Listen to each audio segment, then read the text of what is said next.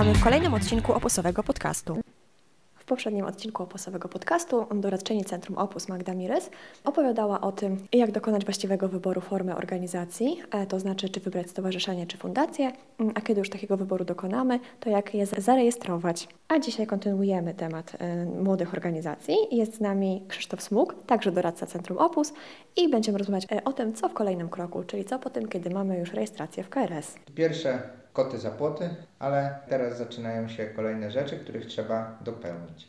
Razem z KRS-em obecnie już otrzymujemy numer NIP i numer REGON, więc jakby troszkę e, rzeczy z głowy nam zeszło. Nie musimy już biegać do Urzędu Statystycznego i do Urzędu Skarbowego, żeby, e, żeby te, te numery sobie uzyskać, ale organizacja nie może działać bez konta. Pierwszym ruchem, który wykonać powinniśmy po otrzymaniu tych wszystkich danych z Krajowego Rejestru Sądowego, no to wybór banku, w którym nasza organizacja założy sobie konto. Wybór jest nieograniczony. Jak rynek wolny, można, można jakby w każdym banku tu konto sobie założyć. Ze swojego doświadczenia poleciłbym jednak wyszukiwanie ofert, które są dedykowane organizacjom pozarządowym ponieważ banki od czasu do czasu takie oferty mają i mm, jakby warto wtedy w ramach y, nich skorzystać, bo naprawdę są wtedy fajne, fajne ulgi, na przykład bezpłatne prowadzenie konta i ileś tam przelewów za free, tak? Y, albo w ogóle bezpłatne przelewy, więc tutaj warto gdzieś tam ten rynek rozeznać w momencie zakładania konta bankowego.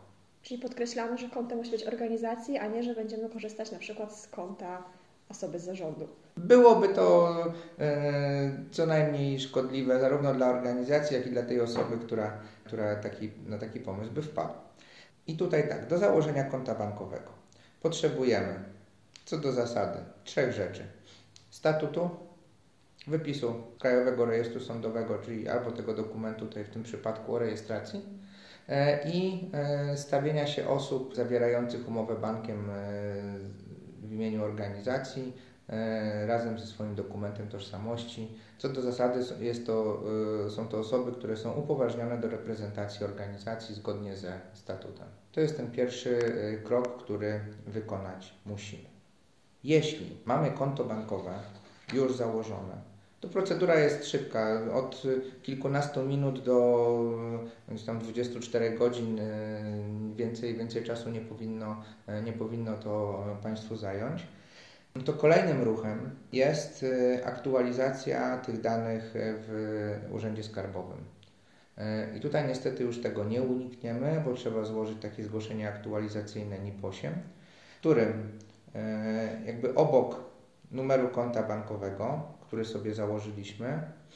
Musimy podać także informacje te, których sąd po prostu nie wie e, numer, e, numer NIP-u, więc musimy podać informacje dotyczące tego, gdzie będą przechowywane dokumenty rachunkowe e, naszej organizacji, kto będzie prowadził księgowość, czy będziemy ją prowadzić samodzielnie, czy będzie to prowadziło wyspecjalizowane biuro, biuro rachunkowe, datę powstania obowiązku płacenia składek, jeśli takowa jest. Data wyrejestrowania osoby z ubezpieczenia, za którą płatnik miał obowiązek składania dokumentów ubezpieczeniowych, ale to też jeśli oczywiście gdzieś tam jest od razu ten element e, zatrudnienia, e, no to, to wtedy jakby te dane, te dane też są potrzebne. I jeśli prowadzimy działalność gospodarczą, no to przeważający rodzaj tej działalności oraz nieważne od tego, czy prowadzimy, rodzaj, czy prowadzimy działalność gospodarczą, czy nie, to musimy także wskazać przeważający rodzaj działalności statutowej zgodnie z y, klasyfikacją PKD.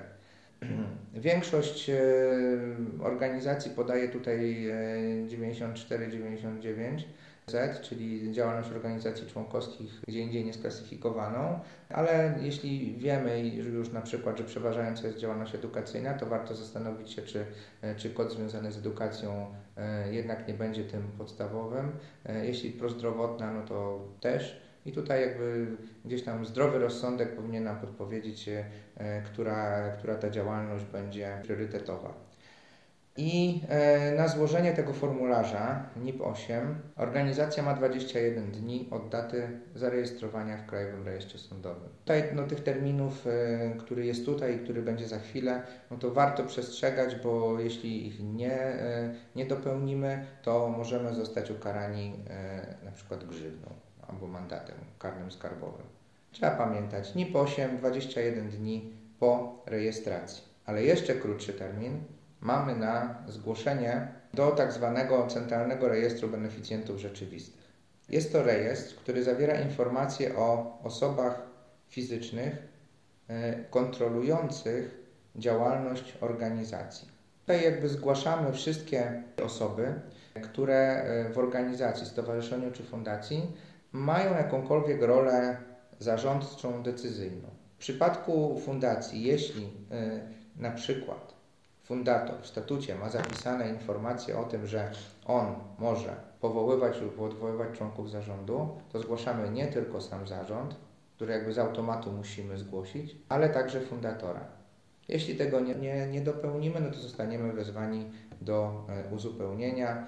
Wszystkie te, e, te, te, te formalności są, są tutaj nieodpłatne, ale też trzeba przestrzegać mm, terminu.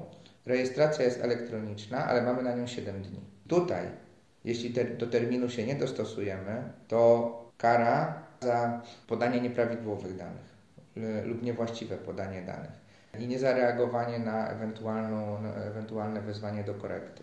To jest e, nawet milion złotych kary dla organizacji. No, straszak trochę dla organizacji, ale ale jakby skuteczny, e, jeśli, jak, jak wiemy e, z dotychczasowych informacji, że większość organizacji e, jakby wypełniła ten, ten obowiązek. Warto więc jakby tutaj na to, na to zwrócić uwagę i, mm, i te informacje po prostu zaraz po rejestracji zgłosić.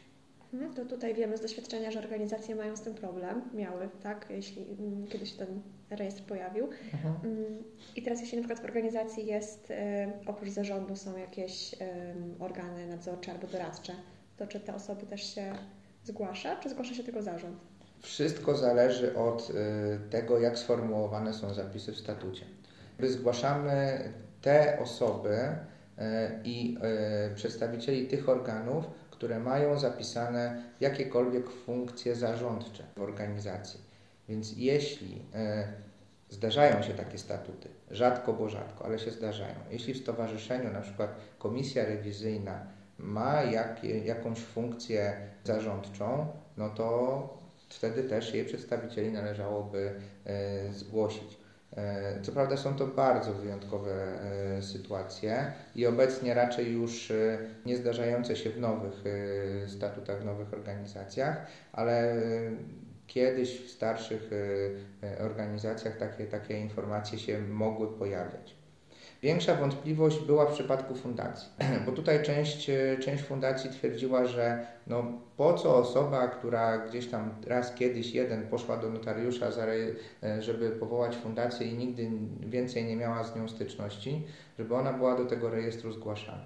No jednak okazuje się, że jeśli w tym statucie jest jakakolwiek rola fundatora, który ma wpływ na, na przykład na zmianę statutu, na wybór e, osoby do zarządu organizacji, czy do jakiegoś innego organu, który, który w organizacji jest, no to też trzeba tą osobę e, zgłosić do tego rejestru beneficjentów rzeczywistych.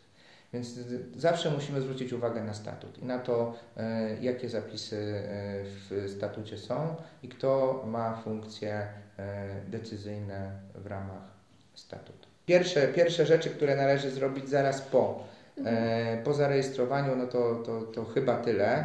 Oczywiście później w trakcie działania dochodzą kwestie, dochodzi kwestia prowadzenia e, ksiąg rachunkowych. E, kiedy możemy robić to sami, kiedy powinniśmy mieć biuro, e, biuro rachunkowe. No ale to już jest temat na, na kolejny podcast, tak? Czy na kolejne spotkanie. Dochodzą kwestie związane z bieżącym funkcjonowaniem, dochodzą kwestie związane ze zmianami na przykład w statucie, czy zmianami w, w tych rejestrach, czy Krajowym Rejestrze Sądowym, czy innych. Do tych tematów na pewno będziemy wracać w kolejnych odcinkach opusowego podcastu. A na dzisiaj to wszystko. Zachęcamy do śledzenia nas w mediach społecznościowych, do odwiedzania strony www.opus.org.pl. Tam znajdziecie m.in. informacje o doradztwie dla organizacji w ramach Łódzkiego Centrum Obywatelskiego. A jeśli chcielibyście zaproponować nam temat na kolejne odcinki, to koniecznie zostawcie komentarz. Do usłyszenia.